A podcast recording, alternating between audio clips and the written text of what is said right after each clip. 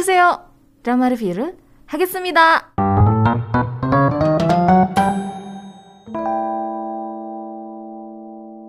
Salah satu drama yang paling dinantikan di akhir tahun 2022 ini adalah Alchemy of Souls, Light and Shadow yang akhirnya merilis episode pertamanya di tanggal 10 Desember 2022 kemarin. Ya, jadi ini jadi salah satu drama yang benar-benar dinanti-nanti ya. Bahkan aku lihat uh, di media sosial cukup banyak orang yang ketika mau tanggal 10 nih udah tanggal 10 lebih tepatnya terus mendekati jam siarnya ini kan di Netflix ya um, tayangnya itu jam 9 mendekati jam 9 itu semua udah pada posting di storiesnya gitu nungguin munculnya Jangwook gitu setelah sukses dengan musim yang pertama, Netflix kembali menampilkan para pemain di musim uh, yang pertama sama gitu semuanya, kecuali Jung So Min yang di musim yang kedua ini digantikan oleh Go Yun Chung yang berperan sebagai Naksu. Sebenarnya Go Yun Chung juga muncul di season yang pertama jadi Naksu. Nah, memang di season yang kedua ini sosok mudoknya tuh hilang digantikan dengan Naksu gitu. Dan kabar pergantian pemain uh, jadi Go Yun Jung ini sempat menuai kontroversi juga karena para penonton yang sudah uh, suka banget dengan chemistry dari Lee Jae Wook sama Jung So Min tuh kecewa gitu. Kenapa diganti kan jadinya nggak nggak nggak seru gitu dan jujur aku pun seperti itu. Soalnya kayak masih pengen ngeliat uh, Mudok sama Jang Wook yang super duper lucu gitu. Terus harus diganti kayak ah why kenapa gitu. Dan biasanya kalau untuk drama season kedua atau yang berikutnya terus diganti pemain buat para penonton itu agak sedikit sulit untuk bisa terbiasa ya. Uh, bukannya nggak bisa tapi ya butuh proses aja gitu. Cuman untungnya Alchemy of Souls ini kan diganti pemerannya itu memang ganti karakter juga kan gitu bukan uh, Go Yoon Jung yang berperan sebagai Somin gitu. Eh Somin lagi sebagai Mudok gitu. Tapi memang uh, mudoknya sudah tidak ada gitu di season yang kedua ini ya cuman ya tetap aja uh, banyak yang kecewa bahkan sesudah ditayangkan pun itu banyak banget orang yang posting kembalikan mudok ya terus uh, jujur aku sendiri pas nonton ngerasa agak sedikit aneh sih. Memang dari segi make up juga beda banget ya. Naksu di season yang pertama sama season yang kedua. Season yang pertama tuh Naksu lebih yang apa ya bahasanya ya? Lebih yang uh, lebih garang gitu loh. Terus kalau misalnya dibandingin dari segi alis alisnya lebih tebal lebih kelihatannya tuh kayak lebih jago gitu. Uh, dia yang selalu bawa pedang warna putihnya itu terus selalu pakai topi terus kayak lebih lebih garang aja gitu. Begitu masuk season 2 memang dari segi alur cerita kan di season yang kedua naksunya lupa ingatan kan lebih kalem, terus lebih beda lah gitu. Itu pun agak sedikit aneh gitu nontonnya cuman ya karena baru dua episode kan masih baru banget ya jadi harus menunggu sampai keluar semuanya. Season yang pertama selesai dengan gantung banget sebenarnya. Ada banyak hal yang belum selesai atau belum keungkap ya. Aku bakalan uh, bahas sedikit supaya mungkin kamu yang belum nonton season yang kedua bisa dapat gambaran emang season 1 berakhirnya seperti apa Cuman untuk kamu yang belum nonton drama ini sama sekali, jangan langsung nonton season yang kedua. Kamu harus nonton dari season yang pertama. Karena ini adalah tipe drama yang nyambung gitu ceritanya. Kalau kamu langsung nonton season yang kedua, fix pasti kamu bingung. Apalagi drama ini tuh complicated banget. Ya, kenapa complicated? Bukan dari alur cerita sih, da tapi dari setiap tokoh yang ada di drama ini itu tuh banyak banget uh, dan harus nggak harus hafal gimana tapi at least kamu tahu dia tuh dari klan mana gitu. Udah gitu klan ini kan ada empat nih. Udah gitu ada tambah lagi ada yang jahat nih juga gitu. Jadi agak sedikit complicated. Makanya harus nonton dari season yang pertama baru bisa lanjut ke season yang kedua. Di season pertama terakhir uh, itu diceritain kalau Jang Wook merelakan dirinya ditusuk pedang sama Mudok tepat di dadanya yang pada saat itu Mudok itu lagi berada di bawah kendali jahatnya Jinmu. Jadi sebenarnya Mudoknya nggak sadar ya. Nah waktu sadar ternyata Jinwoo-nya udah ketusuk. Mudok tuh ngerasa bersalah banget karena sudah membunuh orang yang dia cintai. Bahkan mereka tuh sebenarnya udah mau merit gitu lagi preparing buat merit mereka. Uh, Jinmu nyebelin deh. Uh, akhirnya Mudok yang ngerasa bersalah mutusin untuk pergi ke danau Gyeongcheondaeho. Ini tuh satu danau di mana para hmm, apa ya namanya? Para pemindah arwah itu uh, terjun ke sana ya, biasanya untuk mengakhiri hidup mereka. Dan pada saat itu Mudok yang badannya sudah mulai berubah jadi batu karena dia kan pemindah arwah kan akhirnya memutuskan untuk terjun ke danau tersebut. Nah, pada saat prosesi kremasinya Jangguk, karena kan Jangguk meninggal dunia ceritanya, ternyata batu es yang ada di uh, dalam tubuhnya Jangguk itu membuat dia tuh bisa hidup kembali gitu. Sementara Mudok diselamatkan yang waktu jatuh ke danau Gyeongcheondaeho itu uh, akhirnya diselamatkan oleh dua orang yang kita nggak dikasih tahu siapa yang nyelamatin Mudok. Nah itu jadi bikin spekulasi-spekulasi dan banyak teori yang muncul ya. Wah siapa nih dua orang yang nyelamatin? Kayaknya sih perempuan tapi nggak tahu. Jangan-jangan dari Jin Yowan nggak tahu. Pokoknya banyak banget teori-teori yang muncul ya. Dan uh, sebenarnya para penonton sedikit lega karena melihat oh Jangguknya hidup lagi gitu. At least Jangguknya hidup lagi. Karena nggak mungkin juga dia mati. Kalau dia mati dramanya udahan gitu. Nah di season yang terbaru ini mulai diceritain lah kehidupan mereka. Berlatar tiga tahun kemudian sesudah kejadian di akhir season yang pertama. Di season yang terbaru, season yang kedua, Jang Wook itu yang hidup lagi jadi pemburu pemindah arwah yang punya kekuatan yang luar biasa banget. Uh, karena bantuan batu es. Kalau misalnya kamu nonton season yang pertama, dia tuh cupu banget. Banget, ngat, ngat, ngat, secupu itu. Kayak, aduh beneran dia tuh kayak nggak bisa apa-apa. nah di season yang kedua ini kita bisa melihat uh, kehebatan Jang Wook. Kayak cuma tinggal uh, mengarahkan tangannya aja, api udah mati gitu. Kayak dia jadi paling hebat lah kalau misalnya di season yang pertama mimik mukanya agak sedikit konyol terus jahil season yang kedua ini aku ngelihat Jangwook lebih dark um, mungkin karena kejadian tiga tahun itu ya yang bikin dia tuh jadi uh, merasa kosong merasa hampa. Jadi akhirnya lebih dark gitu situasi Jangwooknya tuh dan suram lah pokoknya. Hai Viana kenapa? Ada yang bisa dibanting? Merasa kosong. Aku tuh lagi ngomong tiba-tiba ada bunyi gitu terus apaan ya ternyata ada kunjungan seperti biasa ya guys. Kalau Asia suka banyak kunjungan gitu. Selamat datang Viana terima kasih. Terima kasih aduh. Tadi aku cerita sampai mana lagi sampai kosong. Sampai kosong bentar. Mana kosong. apa? Aduh. Nggak balik ke Jangguk ya. Jadi Jangguknya karena uh, apa yang terjadi di tiga tahun yang lalu itu uh, kehilangan orang yang dicintai dia bikin dia tuh kayak hidup tak mau mati pun nggak bisa gitu karena ada si bantuan si batu es itu kan. Dan sebenarnya ada reason lain kenapa dia nggak boleh mati dan nggak bisa mati gitu. Jadi akhirnya dia uh, bisa dibilang kayak menyerahkan hidupnya untuk membasmi para pemindah arwah ini. Di season yang pertama kita tahu kalau Jangwook tuh nggak bisa apa-apa bener-bener cupu banget. Padahal dia ini salah satu keturunan penyihir hebat yang luar biasa banget kemampuannya. Tapi dia nggak bisa apa-apa. Kenapa? Karena papahnya tuh menyegel kekuatannya dia. Sampai akhirnya kebuka terus berguru dan lain sebagainya dia jadi uh, ya ketemu batu es dan akhirnya bikin dia jadi jago banget. Sebenarnya kalau misalnya kamu nonton lebih jauh lagi kamu bakal ngelihat kalau Jangguk tuh kalau bisa memilih dia tuh lebih memilih untuk batu esnya dikeluarin dan dia mati daripada hidup menjalani hidup yang uh, bener-bener kosong bener-bener hampa gitu. Dan kasihan sebenarnya dengan keberadaan batu es di dalam badan dia itu. Bikin dia selalu dihampiri sama arwah-arwah jahat. Udah gitu kalaupun dia melakukan pemburuan pemindah arwah dan pasti berhasil karena kemampuan hebat dia cuman pasti malamnya tuh dia bakalan ngerasa sakit banget badannya terus ngerasa dingin uh, dan untuk mencegah itu nggak ada yang bisa dia lakuin. Paling dia cuma bisa mengkonsumsi minuman beralkohol tingkat tinggi buat ngangetin badan dia. Sampai ada satu scene di mana si pangeran gitu ya kaget nah kamu minum alkohol sekuat ini? gitu. Karena buat Jangwook itu nggak ada apa-apanya. Permisi ar arwah jahatnya mau pergi.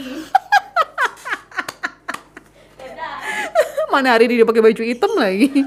Terima kasih atas kunjungannya ya. Aduh ya ampun. Ya jadi uh, dia bakalan ngerasa dingin banget dia bakalan ngerasa badannya tuh sakit sekali. Jadi akhirnya dia mengkonsumsi minuman beralkohol tingkat tinggi tadi sama uh, si pelayanannya biasa si pelayannya tuh biasanya nyiapin uh, perapian supaya kamarnya tetap anget. Jadi sebisa mungkin ngelakuin yang terbaik lah yang bisa mereka lakuin gitu. Ah, Terus yang bikin sedih ya ada satu scene di mana si Jungkook tuh bilang rasa sakit yang sekarang dirasain tuh nggak ada apa-apanya. Yang kamu dia aku lupa dia ngomong sama siapa pokoknya dia ngomong rasa sakit yang kamu alami sekarang tuh nggak ada apa-apanya dibandingin rasa sakitnya ditusuk pisau di dada. Yang sampai sekarang tuh masih sakit. Itu ya karena kan sakitnya itu ditusuknya sama orang yang dia cintai. Terus orang yang dia cintai juga mati gitu. Itu yang bikin dia ah, buat apa saya hidup? gitu kurang lebih seperti itu. Nah ini yang bikin bingung. Banyak banget yang bertanya-tanya gitu, kenapa Naksu bisa muncul lagi di season yang kedua ini. Padahal kan badannya dia itu udah dikremasi di season yang pertama, ya. Nah, pertanyaan ini juga bikin aku bingung awalnya. Iya, kok aneh sih, kenapa Naksu bisa hidup lagi ya? Kan jelas-jelas sudah dikremasi dan uh, di film ini atau di drama ini tuh, kalau sudah dikremasi udah nggak bisa balik lagi ke badan yang lama gitu, si pemindah arwah ini. Nah, kenapa Naksu bisa? Kok maksain banget ya? Gitu. Selain karena Jung So ini udah ada project lain ya. kenapa? Nah, untuk menjawab pertanyaan ini, tim produksi tuh bener-bener gerak cepat banget. Di episode yang kedua itu langsung terjawab karena pasti ini jadi pertanyaan besar buat para penonton uh, Alchemy of Souls, terutama yang udah ngikutin dari season yang pertama ya. Nah, aku bakal jelasin kenapa bisa Naksunya hidup lagi. Jadi di episode yang kedua, Guru Lee itu jawab gini, uh, kan yang nyelamatin Naksu itu adalah orang-orang dari Jin Yowon. Nah, kenapa diselamatin? Karena ketuanya dari Jin Yowon, which is itu adalah Jin Hogyong atau yang dikenal dengan Puan Jin, dia tahu kalau Mudok ini adalah anak sulungnya, which is Jin Buyon, yang selama ini menghilang entah ke mana gitu dia bisa ngerasain kalau Mudok itu adalah putrinya. Jadi dia pengen nyelamatin si putrinya ini gitu. Diselamatin lah. Cuman begitu udah diangkat ke daratan kan tadinya kan di danau tuh diangkat ke daratan diperiksa um, ternyata di dalam tubuhnya Mudok itu memang ada dua jiwa ceritanya jiwanya Jin Buyon sama jiwanya Naksu dan sebenarnya di season yang pertama ketika per, uh, episode-episode awal waktu Naksup melakukan pemindahan jiwa ke tubuh seseorang waktu dikejar-kejar sama Jinmu tuh ya. Uh, Naksu kan sebenarnya milih orang lain kan bukan Mudok kan. Cuman nggak bisa, nggak tahu gimana ceritanya malah jadi masuknya ke Mudok. Nah ternyata pada saat adegan itu sebenarnya bukan Naksu yang memilih, tapi Mudok lah atau Jin Buyon lah yang memilih jiwanya Naksu untuk masuk ke dalam badannya dia karena kan Jin Buyan punya kekuatan yang gede banget kan. Dan dia pengen ngunci Naksu di dalam badannya dia. Mungkin reasonnya biar nggak ngelakuin kejahatan gitu ya. Mungkin. Atau mungkin Jin Buyan ngerasa wah ini ada satu energi yang kuat banget. Akhirnya dia dia kunci di badannya dia gitu. Mungkin seperti itu. Nah lama kelamaan jiwanya Jin Buyon sama jiwanya Naksu itu bersatu di dalam badannya Mudok ceritanya kan. Pada saat sesudah Mudok meninggal dunia ya kritis lah bisa dibilang ya. Habis jatuh ke danau tadi badannya itu kan udah jadi batu kan karena dia pemindah arwah kan. Nah sementara di dalam jiwanya itu ada jiwa buyon sama jiwa naksu. Dan Puan Jin itu cuma bisa milih salah satu yang mau diselamatin siapa? Buyon kah atau naksu kah? Cuman problemnya adalah kalau misalnya mau nyelamatin badannya buyon mau nggak mau harus pakai kekuatannya naksu yang cuma tinggal sedikit gitu. Soalnya dua-duanya tuh kayak udah dalam masa kritis lah bisa dibilang ya. Jadi Puan Jin dikasih pilihan nih sama Guru Lee saya bisa nyelamatin anak kamu anak sulung kamu tapi kamu harus milih. Kamu siap nggak hidup dengan putri sulung kamu tapi dengan badan itu badannya naksu kenapa? Karena yang bisa nyelamatin Buyon pada saat itu cumalah energi yang tersisa dalam jiwanya naksu. Gak bisa dua-duanya diselamatin, jadi harus pilih. Dan kalau misalnya Buyon diselamatin dengan energi jiwanya Naksu, nanti lama-kelamaan badannya Buyon yang tadinya jadi batu itu bakalan berubah jadi sesuai dengan uh, Naksu gitu. Makanya kenapa di season yang kedua ini munculnya mukanya muka Naksu. Ya, seperti itu. Tapi kalau misalnya Puan Jin gak kuat, ya udah, nggak bisa diselamatin gitu. Demi meneruskan keturunan keluarga Jin Yowon, mau nggak mau, uh, Puan Jin akhirnya ya udah selamatin dan dia harus hidup dengan uh, anak sulungnya yang berwajah naksu gitu. Kenapa demi meneruskan keturunan? Karena kalau di Jin Yowon itu pemimpinnya tuh harus perempuan dan di sini tuh ada tradisi di mana anak sulung perempuan lah yang dianggap punya kekuatan paling gede. Sementara anak sulungnya dari keluarganya Jin Yowon kan adalah Jin Buyon. Jin Choyon kan anak bungsu kan. Nah, Puan Jin mikir paling kuat ya Jin Buyon, mau nggak mau ya harus Jin Buyon gitu. Akhirnya ya udah nggak apa-apa, dia pilih seperti itu. Walaupun di sisi lain dia kayak benci banget. Tapi gimana lagi gitu ya. Gitu. Jadi itulah reasonnya kenapa bisa kok badannya badan naksu kok naksu bisa balik lagi reasonnya gara-gara itu karena badan atau tubuh batu uh, dari Jin Buyon akhirnya di di apa ya namanya? Ya pokoknya jiwanya tuh jiwanya naksu gitu dan lama kelamaan badannya jadi berubah seperti naksu cuman walaupun memang uh, Jin Buyon akhirnya bisa hidup kembali ya dia bakalan kehilangan ingatan dan semua kemampuannya.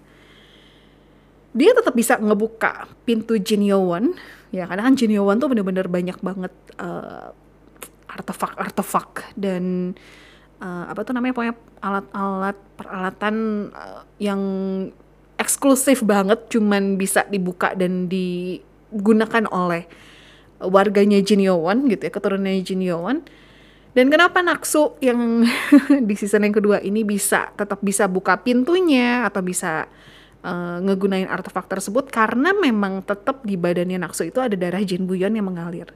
Dan Naksu tetap bisa ngelihat uh, batu es ataupun energi lainnya karena matanya masih mata Jin Buyon. Sebenarnya ini agak sedikit ngebingungin sih kejujur kalau buat aku kayak kayak terlalu maksa gitu. Cuman ya udahlah mau gimana lagi ya. Singkatnya gini deh daripada bingung ya. Pokoknya kondisi yang sekarang itu badannya Jin Buyon kehilangan kekuatannya sementara jiwa Naksu kehilangan ingatannya dan mereka dikolaborasiin gitulah intinya. Cuman Guru Li sempat spill nih sedikit. Ada satu waktu di mana kalau kekuatan di badannya tuh kembali, ingatannya juga bakal balik. Jadi mungkin kalau uh, energi dan kekuatan Jin Buyon balik, berarti ingatan Naksu juga bakalan balik. Dan ini yang aku tunggu. Gitu. Ya, itu untuk uh, Naksu atau Jin Buyon. Agak sedikit bingung ya guys buat kalian yang belum nonton. Hah, tadi Naksu kok sekarang Jin Buyon? Makanya nonton harus dari season yang pertama. Memang ini drama complicated banget. Terus, Soyul. Di season yang terakhir, season yang terakhir, di episode uh, season pertama episode akhir diceritain kan kalau Soyul itu memutuskan buat balik ke kampung halamannya di Soho. Di season yang kedua diceritain kalau dia tuh balik ke Deho buat berobat. Kenapa? Jadi dia tuh kan punya problem di masalah kesehatannya kan. Di season 1 dia tuh belakangan ngerasain sakit gitu di dada dia. Dan emang dia nggak kasih tahu siapa pun soal situasi kesehatannya ini. Even ke sahabatnya uh, Pak Danggu atau Jangguk dia nggak bilang. Uh, jadi Soyol ini punya masalah kesehatan gara-gara waktu di season yang pertama dia sempat sekarat gara-gara berantem sama pemindah arwah. Pada saat itu dia lagi terkurung di batu es dan gak bisa ngegunain kekuatannya dia. Terus ada pemindah arwah di sana, dia berantem terus malah jadi sekarat. Dan pada saat kondisi seperti itu, Soi yang pura-pura jadi Jin Buyon ngerasa bersalah. Akhirnya dia masukin cacing sihir yang ada di badannya Soi pada saat itu ke dalam badannya Soyul. Nah ternyata ini tuh yang nyedotin uh, energinya Soyul, makanya Soyul ngerasa sakit terus. Dan memang ketika cacing sihir ini masuk ke badan uh, Soi pun itu juga nyedotin energinya Soi kan, gitu. Jadi ya um, Soyul di sini lagi struggling dengan masalah kesehatannya dia Terus kalau misalnya di season yang kedua, kan season yang pertama dia ganteng tuh ya, kayak bersinar gitu. Di season yang kedua aku ngerasa dia juga sama kayak Jungkook Dark gitu. Lebih pucat ya, Jungkook kan lebih dark ya season yang kedua ini kan. Diem, nggak ada komedi. Ya ada komedinya tapi komedi itu mukanya serius gitu. Kalau di season yang pertama kan muka dia muka jahil kan. di season yang kedua ini ada komedinya tapi muka dia tuh terlampau serius. Sementara kalau Soyul tuh lebih pucat, ya mungkin karena masalah si cacing sihir ini ya gitu. Satu lagi Pak Danggu. Pak Danggu rambutnya ganti guys. season yang pertama kan pirang, season yang kedua dia rambutnya jadi hitam. Pak Danggu diceritain season yang kedua ini lagi berusaha untuk move on tapi nggak bisa karena kan season yang pertama dia gagal nikah tuh sama Jin Chaeyeon jadi dia belum bisa move on, cuma sekarang itu dia udah jadi pemimpin Songrim, gantiin pamannya Park Jin. Nah, kenapa Park Jin bisa turun? Uh, jadi Park Jin ini menjadikan dirinya sebagai jaminan supaya para penyihir Deho itu ngizinin Jangwook tetap hidup dengan batu es. Jadi kalau sampai Jangwook ngapa-ngapain dalam hal yang jahat gitu ya, dia memanfaatkan batu es untuk kejahatan, uh, Pak Jin yang bakal urusin yang dan bakal bertanggung jawab. Dan sebagai konsekuensinya, Pak Jin mundur dari jabatannya sebagai pemimpin di uh, di mana di Deho. Ntar aku lupa. Pemimpin di Songrim. ya, pemimpin di Songrim dia mundur digantiin sama uh, Pak Danggu, keponakannya. Terus di season yang pertama terakhir itu kan memang Pak Jin sudah bisa mengutarakan perasaannya karena sama Kim Doju Cuman di season yang kedua ini mereka masih belum menikah. Sesudah tiga tahun mereka masih belum bisa menikah. Kenapa? Karena Kim Doju masih harus mengurusi Jangwook. Dia masih pengen bantuin Jangwook melewati masa-masa sulitnya. Jadi uh, mereka menunda pernikahan mereka. Gitu ya. Terus kalau Jin Chaeyeon ini juga sama sama-sama uh, kelam gitu. Memang season yang kedua ini suasananya kayak lebih dark, lebih kelam, lebih gelap gitu. Terus lebih yang um, sedih ya lebih gitulah kalau season pertama mungkin agak sedikit ceria season yang kedua ini jauh banget karena memang latar belakang yang terjadi di akhir season yang pertama ya Jin Choyan juga sama gitu dia um, belum bisa melupakan Danggu sepenuhnya nggak seceria di season yang pertama dan dia lebih banyak bebannya. Karena kan di satu sisi dia juga ikut mengurusi Jin Yowon uh, cuman di other side dia juga nggak tega lihat kakaknya digituin sama mamahnya dikurung. Uh, dia nggak tega lah karena sebenarnya keliat banget kalau dia tuh sayang sama kakaknya gitu. Ya kurang lebih seperti itu. Jadi itulah uh, sedikit perubahan masa tiga tahun yang berlalu di Deho seperti apa. Terus uh, di salah satu wawancara di House on Wheels deh kalau nggak salah um, kan sempat tuh Lee jadi bintang tamu kan karena dia sahabatnya Rowan. Nah di situ Ijewok cerita kalau dia memang membintangi satu drama yang lagi hits banget itu Alchemy of Souls. Proses syuting dari Alchemy of Souls yang pertama ke yang kedua itu cuma jeda satu minggu. Dan kalau misalnya kamu cari tahu gitu ya, untuk seorang aktor atau aktris memerankan satu buah peran, itu kan mereka bisa bisa dibilang kayak masuk ke dalam peran tersebut kan dan biasanya kayak masih ke bawah ke, ke ke real life-nya gitu.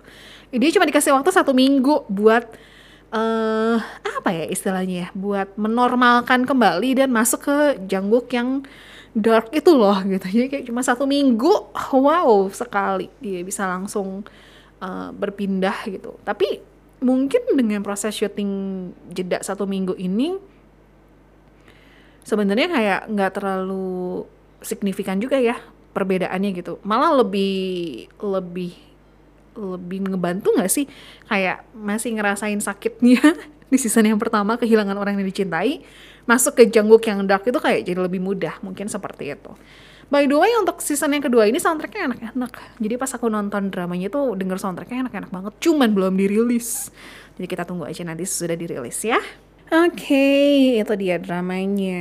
Nanti kalau misalnya aku udah beres nonton sampai episode 10, udah selesai, aku bakalan bikin review keseluruhannya.